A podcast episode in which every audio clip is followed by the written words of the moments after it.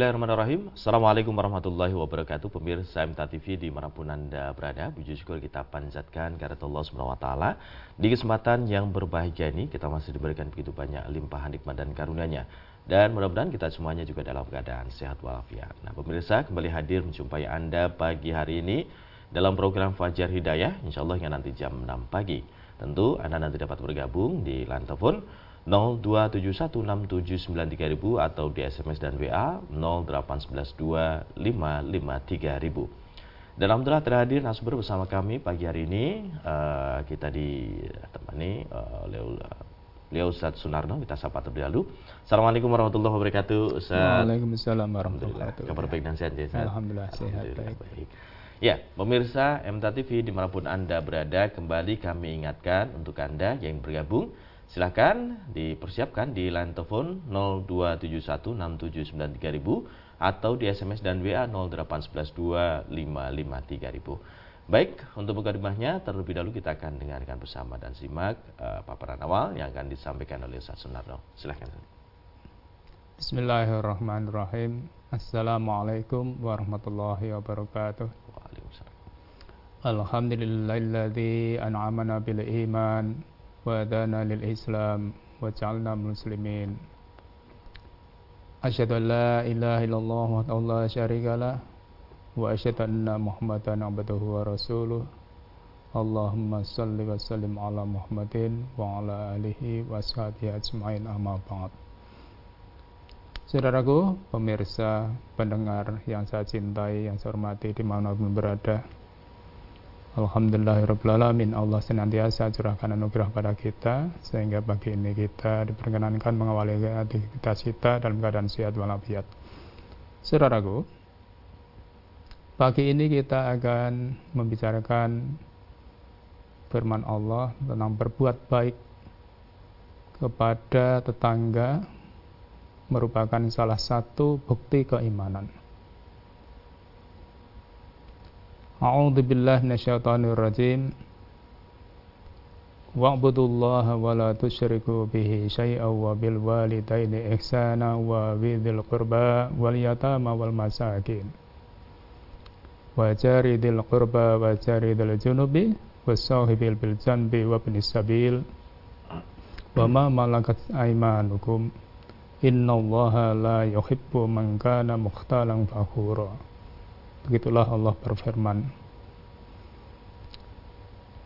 Sembahlah Allah dan janganlah kamu mempersekutukan Allah dengan apa pun. Dan berbuatlah baiklah pada dua orang ibu bapak. Karib kerabat, anak yatim, orang-orang miskin, tetangga dekat, tetangga jauh, teman sejawat, ibnu sabil, dan hamba sahaya. Sesungguhnya Allah tidak menyukai orang-orang yang sombong dan membanggakan diri. Quran Surat An-Nisa 36 Saudaraku, pagi ini kita akan fokuskan tentang berbuat baik pada tetangga. Berbuat baik pada tetangga di antaranya meliputi tolong-menolong dalam hal kebaikan tolong menolong dalam hal kebaikan, tidak boleh tolong menolong dalam hal yang tidak baik, menimbulkan dosa, menyebabkan permusuhan, itu tidak boleh. Jadi kita tolong menolongnya dalam hal kebaikan-kebaikan. Saling menjaga keamanannya. Tidak mengganggu maupun berbuat jahat kepada tetangga, baik itu dengan lisan maupun perbuatan. Karena tetangga bisa menjadikan sebab kita masuk surga. Namun, juga dengan sebab tetangga kita bisa masuk neraka. Maka tinggal bagaimana sikap dan perbuatan kita pada tetangga kita. Maka mari kita supaya ber karena Nabi kita Muhammad SAW mendidik pada kita. Dalam hadis riwayat Al-Bukhari diterangkan An Aisyah radhiyallahu anha 'an Nabi sallallahu alaihi wasallam qala ma Jibrilu yusini bil jari hatta dhanantu annahu sayuwarrisuhu dari Aisyah radhiyallahu anha dari Nabi sallallahu alaihi wasallam beliau bersabda Jibril senantiasa berpesan kepadaku tentang tetangga sehingga aku menyangka bahwasanya tetangga itu akan mewarisinya Hadis surat Bukhari juz 7 halaman 78 Saudaraku, dalam hadis ini didahului mazala. Mazala itu kan lil istimror. Terus menerus. Sesuatu yang diulang, diulang, diulang pasti sangat penting. Maka dalam hadis ini kita diberikan tahu tentang berbuat baik dengan tetangga itu seolah-olah tetangga akan mewarisi kita. Dalam sabdanya yang lain juga riwayat Imam Bukhari. An Abi Suraikhin anna Nabiya sallallahu alaihi wasallam qal Wallahi la yu'minu Wallahi la yu'minu Wallahi la yu'minu Sumpah sampai tiga kali Padahal kalau namanya sumpah, sekali saja sudah berat. Ini diulang sampai tiga kali. Tidak beriman. Qila maka ditanyakan sahabat. Waman ya Rasulullah, siapa itu ya Rasulullah? Qal Nabi menjawab, Alladhi layak manu jaruhu bawa'iqah yaitu orang yang tetangganya tidak merasa aman dari keburukan-keburukannya.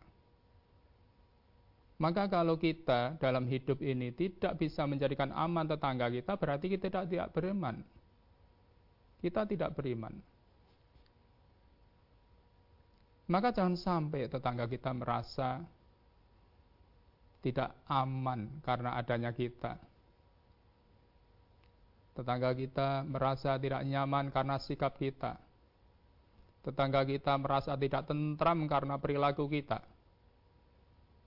Karena kita pun tentu juga tidak suka kalau tetangga kita mengganggu kita. Maka kalau ini kita betul-betul bisa melaksanakan. Tentu kita semuanya ingin masuk surga. Maka Nabi kita juga bersabda dalam hadis surat Muslim. An Abi Hurairah anna Rasulullah sallallahu alaihi wasallam qala La yadkhulul jannata man la ya'manu jaruhu bawa'iqah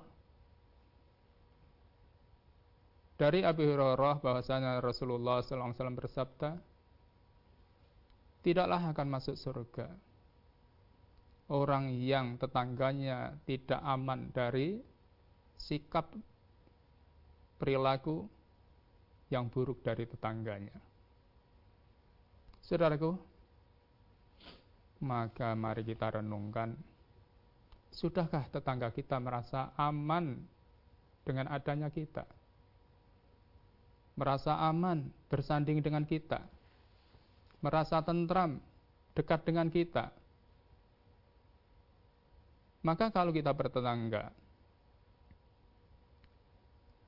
kita mari kita betul kita kita perhatikan, kita jaga. Karena bagaimanapun kalau ini tidak ada, kita bertetangga, tetangga kita merasa risau, kita bertetangga menyebabkan kita sebab dari kita tetangga kita tidak nyaman, tidak aman. Jangan harap kita masuk surga. Na'udzubillah min dalik. Saudaraku, maka dalam hadis riwayat Ahmad juz 3 halaman 308 juga diterangkan An Anas bin Malik qala qala Nabi sallallahu alaihi wasallam Dari Anas bin Malik ia berkata, Nabi bersabda, Al-mu'minu man aminahun nas. Orang yang beriman itu yaitu orang lain merasa aman dari gangguannya. Itulah orang beriman. Maka kalau kita itu orang beriman, siapa pun yang dekat kita merasa aman,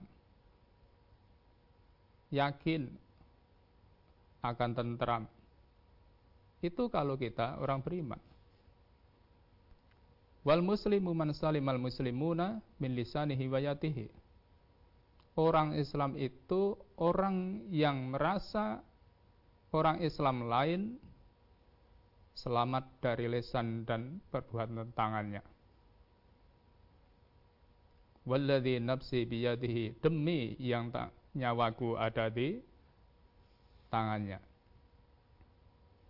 La yadkhulul jannata 'abdun layak manujaruhu bawa iqah.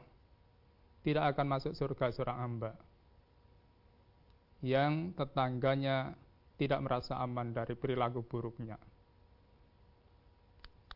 Saudaraku, maka siapa pun tetangga kita, maka kita harus berbuat baik. Siapa pun itu, kita tidak pilih-pilih.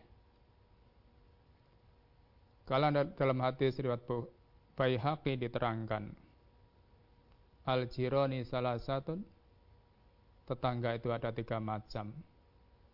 Faminhum man lahu salah satu hukukin, di antara mereka ada yang punya tiga hak.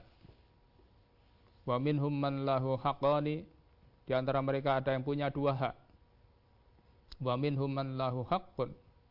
Ada tetangga yang punya satu hak. Fa'amal ladhi salah, lahu salah satu hukukin. Adapun tetangga punya tiga hak tadi. Falajarul muslimu kurub, kurbatun lahu tetangga muslim dan masih ada kerabat. Lalu hakul jar, dia punya hak sebagai tetangga. Hakul Islam punya hak sebagai orang Islam. Wahakul korobah dan punya hak sebagai kerabat. Maka kalau ada tetangga kita Muslim dan itu masih saudara, mestinya kita harus lebih baik. Mestinya harus lebih baik. Jangan sampai sebaliknya. Wa amal ladzi lahu adapun yang punya hak dua. Falajarul muslim. Dia tetangga muslim lahu hakul jiwari. Dia punya hak sebagai tetangga. Wa hakul Islam dan punya hak sebagai sesama orang Islam. Maka kalau kita punya tetangga yang tidak ada hubungan saudara, punya dua hak. Adapun yang punya satu hak. Wa amal ladzi lahu haqqun wahidun faljarul kafir, yaitu tetangga orang yang tidak beriman, tetangga yang kafir. Walaupun kafir, bertetangga dengan kita harus merasa aman. Karena lahu hakun jiwari. Dia punya hak sebagai tetangga. Maka di mana pun kita berada, bersanding dengan siapa pun, orang Islam itu akan membuat ketenangan, ketentraman dengan tetangganya siapa pun. Jangan sebaliknya. Tetangga kita tidak merasa nyaman, tidak merasa tentram. Itu sebab karena kita.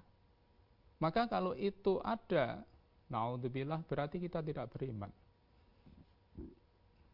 Saudaraku, maka betul-betul mari kita perhatikan bagaimana kita bertetangga.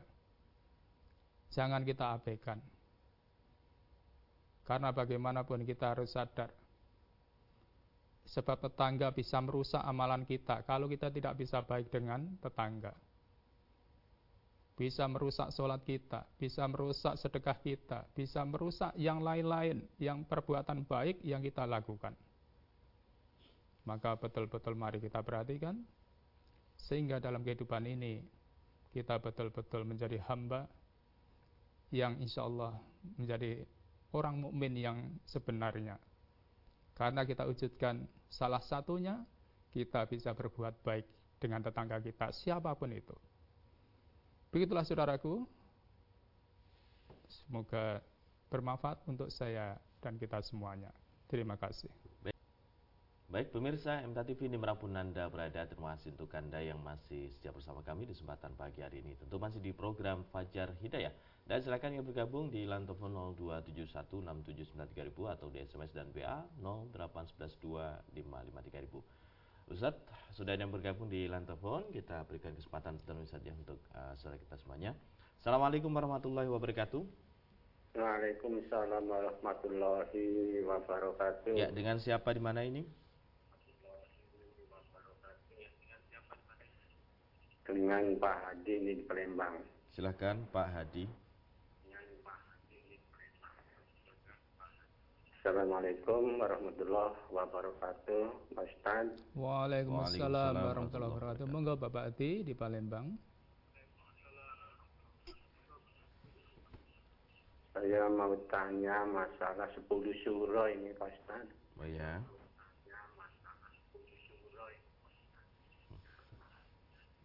Tanggal 10 sore ini kan hari yang diagung-agungkan oleh umat Hindu, oleh umat Yahudi. Tanggal berapa Bapak? Dan juga hari selamatan untuk umat Hindu, ya keselamatan untuk dewa-dewa.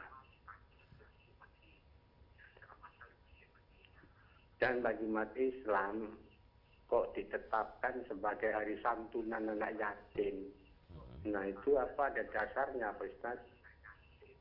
Mohon dengarannya. Terima kasih. Wassalamualaikum warahmatullahi wabarakatuh. Waalaikumsalam warahmatullahi wabarakatuh. Silahkan Pak. Jadi Bapak ya, jadi yang pertama Bapak ya. Kalau dalam Islam kan nggak ada istilah suro itu nggak ada Pak. Jadi tahun baru Hijriyah itu memang jadi momentum perjuangan Islam. Kemudian surah itu kan suara. Hari yang ke-10. Nah, hari yang ke-10 itu ketika Nabi masuk Medina mendapati orang-orang sedang berpuasa. Kemudian Nabi tanya, puasa apa ini? Puasa merayakan kemenangan Musa atas Firaun. Maka Nabi kami lebih berhak untuk mempuasakannya. Maka seandainya tahun depan Allah masih memberikan kesempatan, aku akan berpuasa pada tanggal 9 dan 10-nya untuk berbeda dengan puasa orang Yahudi. Jadi Muharram kalau istilah orang Jawa Suro. Suro itu istilah Jawa. Maka kalau kita Islam itu yang diajarkan ya puasanya itu. Nggak ada istimewanya apa-apa perkara itu dijadikan momentum ini itu ya terserah mereka tapi kita sebagai kaum muslimin kalau mendapati bulan Muharram tanggal 9 10 kita disyariatkan untuk berpuasa itu saja begitu Bapak ya Semoga bisa dipahami. Demikian ya, mudah-mudahan dipahami. Kemudian kita uh, sapa lagi yang ada di line telepon Ustaz, ada yang bergabung kembali. Assalamualaikum warahmatullahi wabarakatuh. Halo, Assalamualaikum. Waalaikumsalam warahmatullahi wabarakatuh. Ya, dengan siapa di mana ini? Pak Wasino di Pekanbaru. Pak Wasino, Pekanbaru, silakan Pak Wasino. Assalamualaikum warahmatullahi wabarakatuh, Pak Ustaz. Waalaikumsalam warahmatullahi wabarakatuh. Monggo Pak Wasino di Pekanbaru. Nanya ini Pak kata Nabi Adam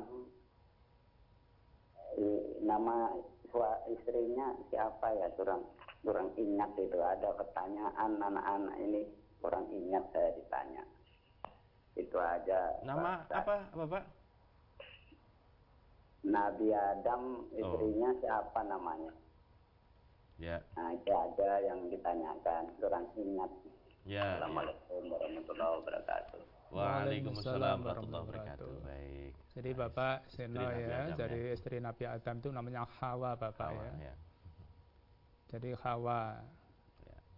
itulah yang kita kenal dalam sejarah. Begitu Bapak? Ya, demikian ya istri Nabi. Adam namanya Hawa gitu.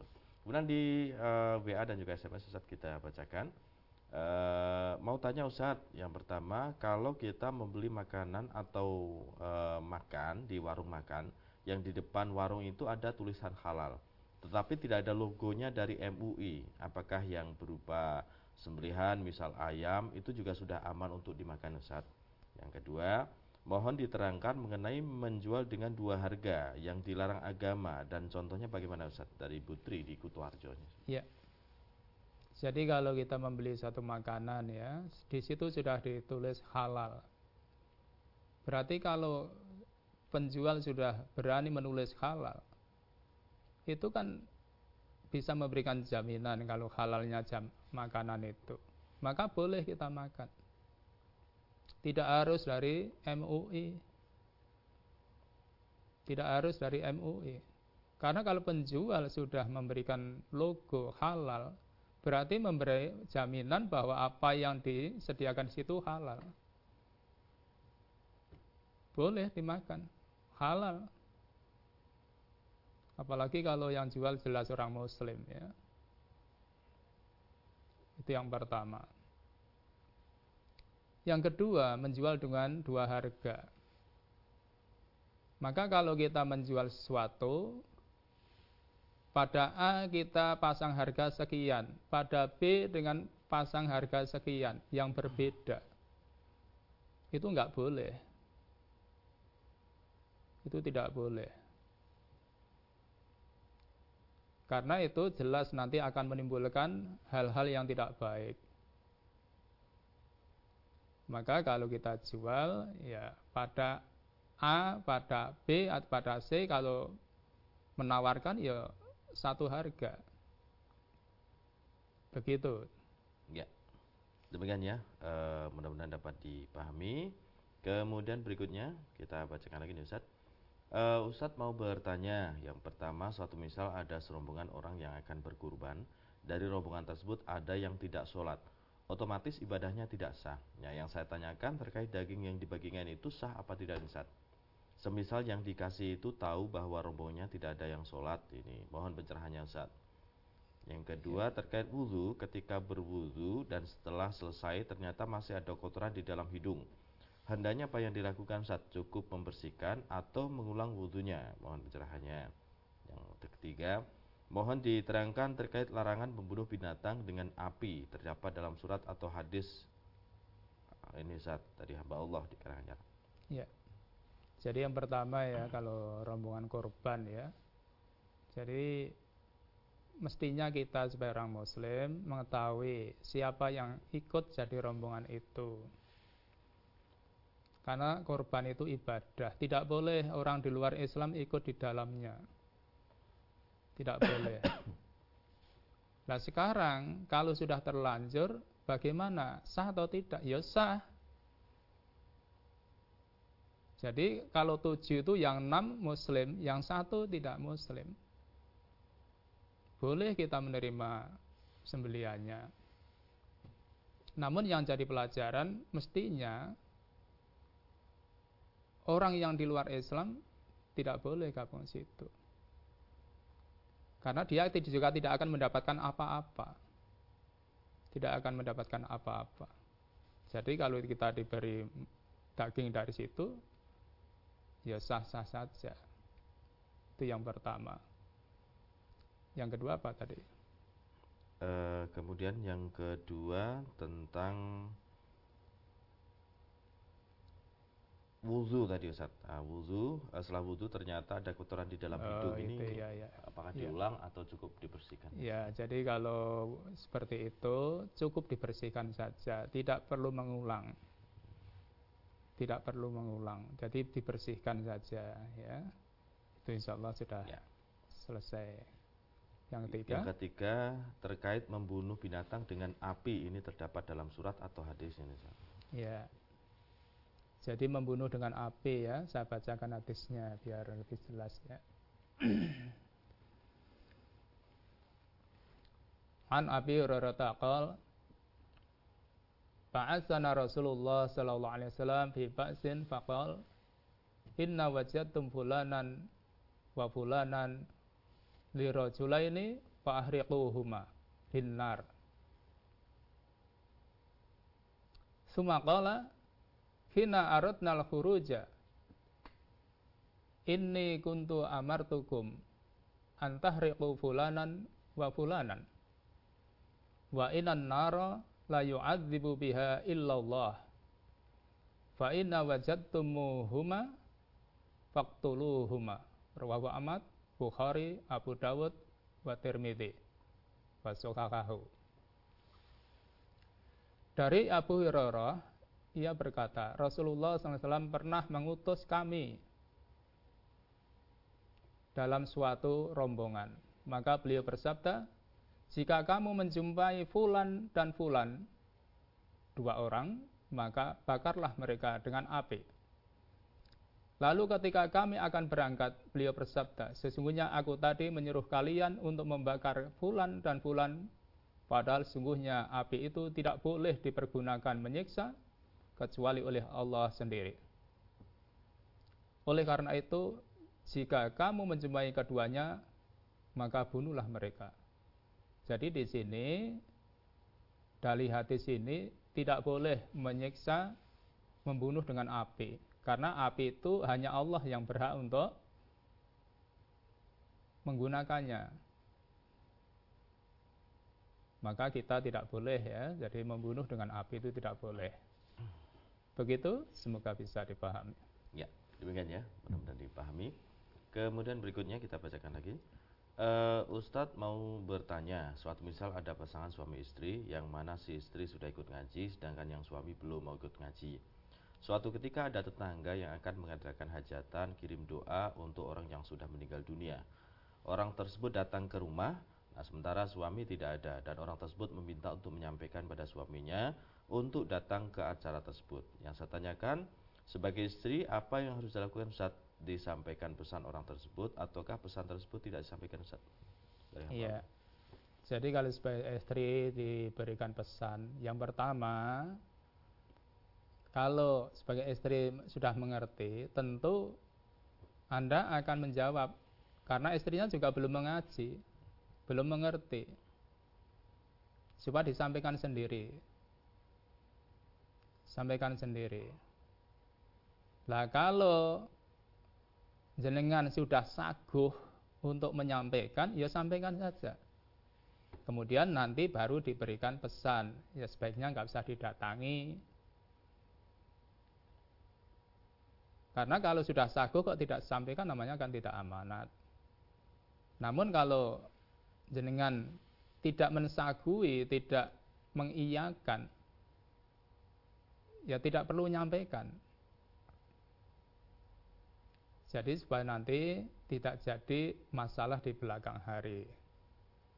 Begitu semoga bisa dipahami. Ya, demikian ya dan dapat dipahami.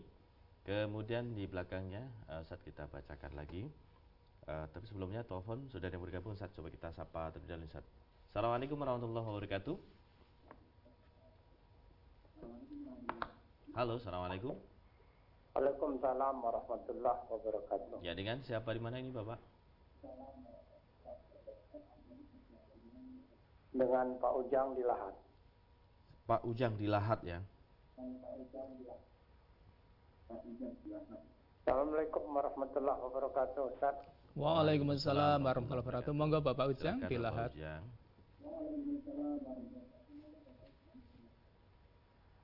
Ini Pak, yang mau saya tanyakan. Pertama, tentang surat Al-A'raf ayat 176. Surat apa Bapak? Al-A'raf ayat 176. Ya. Tolong dijelaskan. Apa ya. saya termasuk anjing? Hmm, ya. Dua, Laisa minal Islam itu apa hadis, apa makalah? Ya. Itu aja Pak Ustaz. Ya. Assalamualaikum warahmatullahi wabarakatuh. Waalaikumsalam warahmatullahi wabarakatuh. Baik, Ustaz. Jadi Bapak ya, yang pertama surah Al-Arab ayat 70 176 ya. Jadi di situ Bapak ya, supaya bisa lebih jelasnya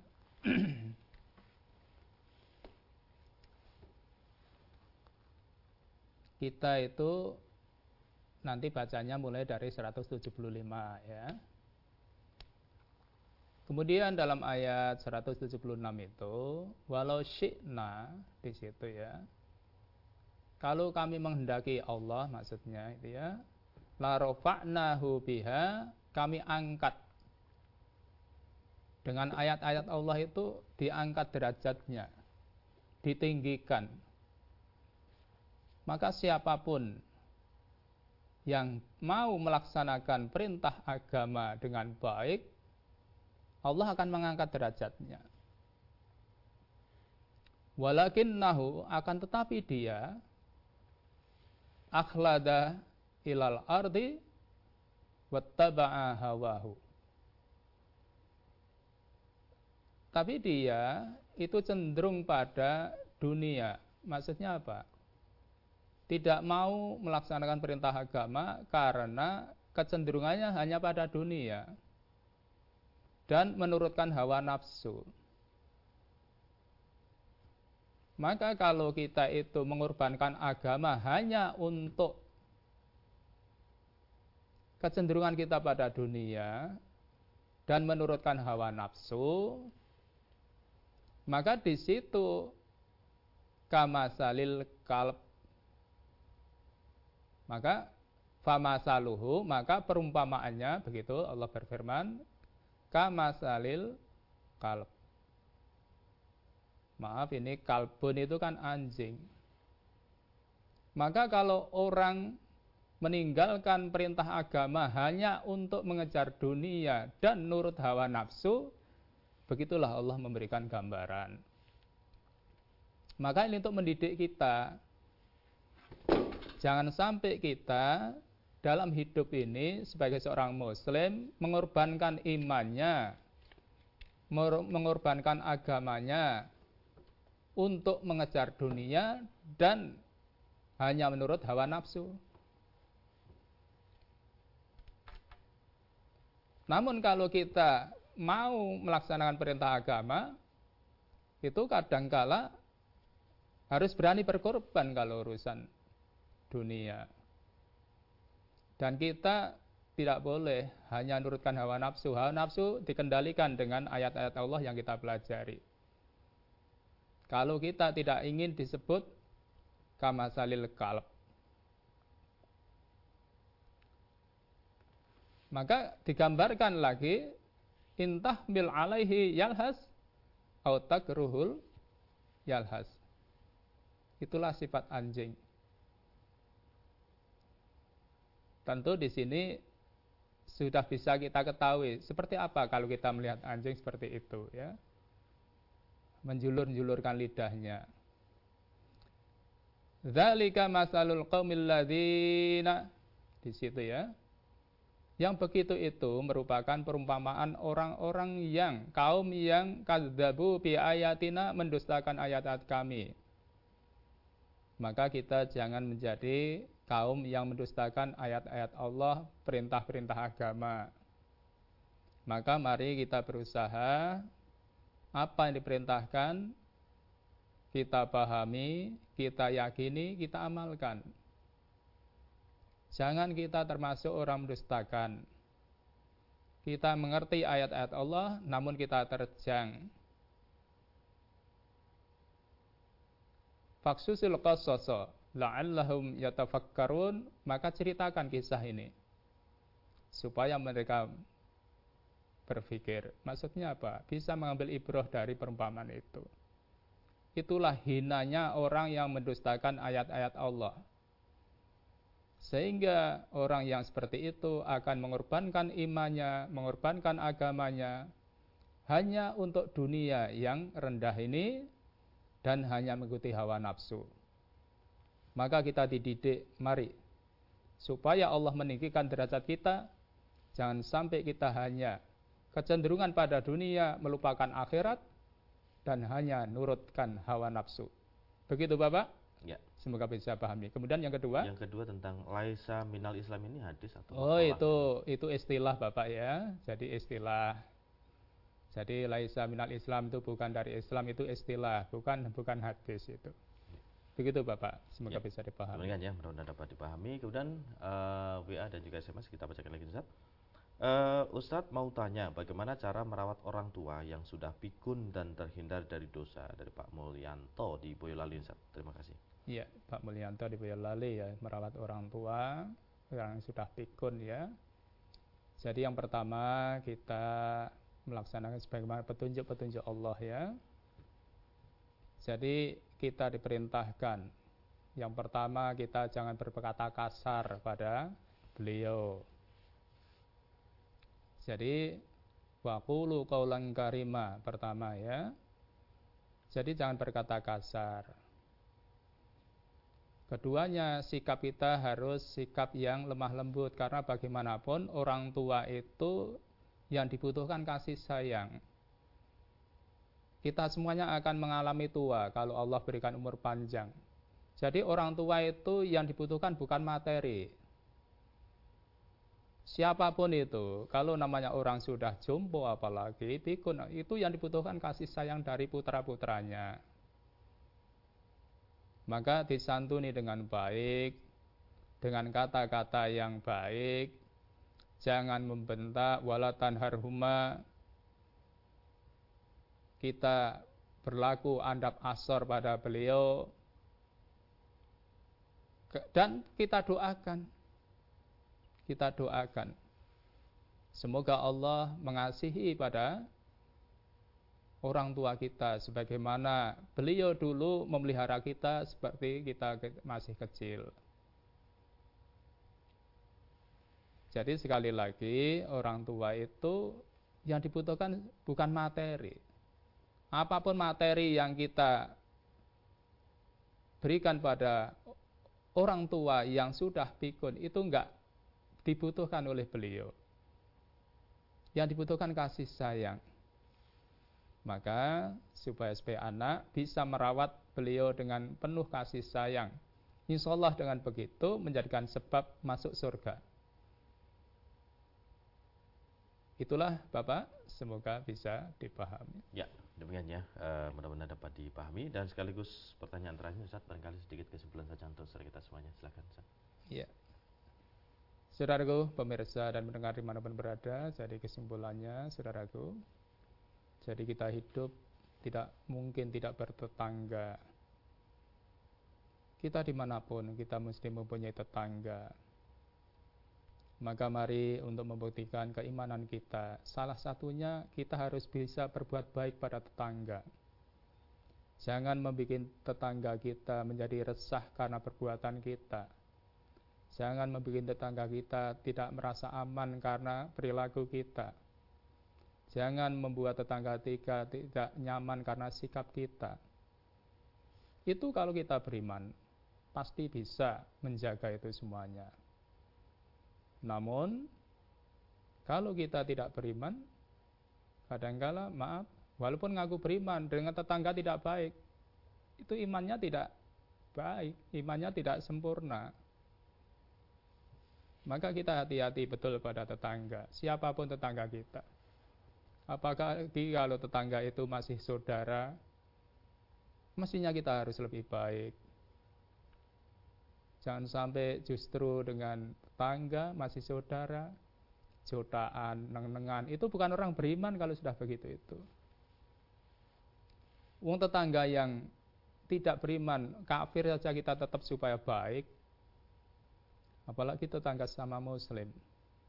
Maka betul-betul mari kita jaga sehingga kita mudah-mudahan kita akan menjadi muslim yang sebenarnya dan Allah akan memberikan pada kita surga di kelak hari di hari akhirat insya Allah. Begitulah saudaraku, semoga bermanfaat untuk saya dan kita semuanya. Terima kasih. Ya, baik terima kasih Ustaz bersamanya pagi hari ini semoga bermanfaat dan insya Allah kita lanjutkan di pertemuan berikutnya Ustaz ya, bersama kita semuanya.